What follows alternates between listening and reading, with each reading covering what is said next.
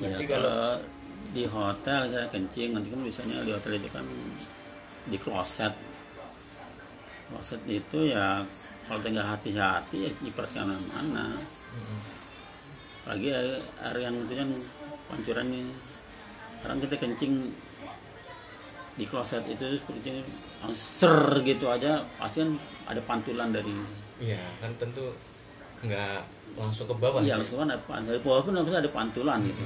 Nah itu kalau kita nggak hati-hati, pantulan bisa ngenain kita.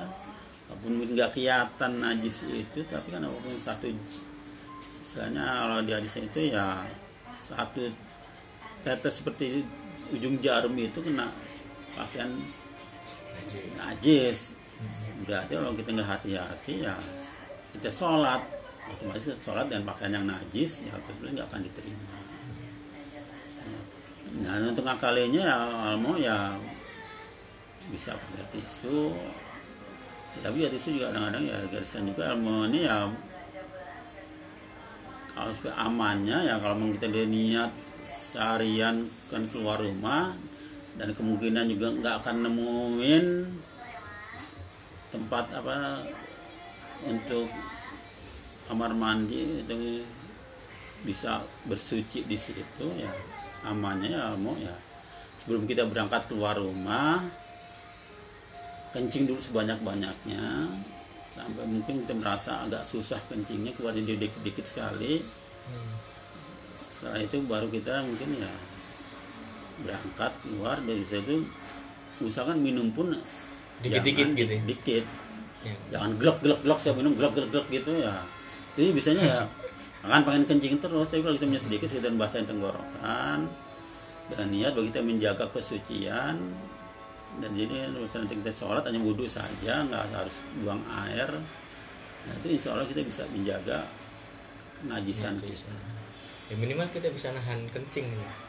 insya Allah kita bisa, Bisa nahan nahan kencing. kencing. karena saya sudah praktek berkali-kali saya kerja puluhan tahun dan ini kerjanya kerja lapangan itu sudah saya praktekkan kalau kerja kali kerja kita nggak bukan di ruangan AC itu tidak orang ber, berkeringat kalau di ruang AC pun juga kita bisa menahan seperti ini.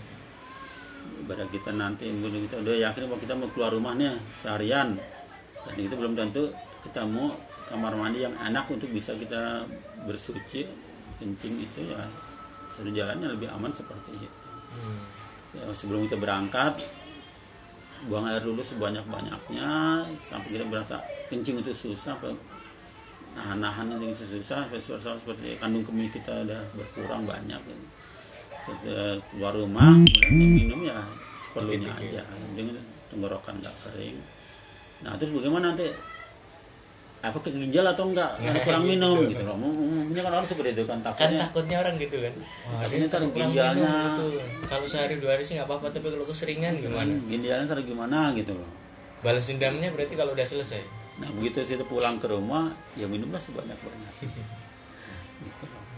Dan insya Allah kalau kita niatin menjaga kesucian, menjaga najis untuk menghadap pada Allah, insya Allah akan kasih pertolongan. Hmm.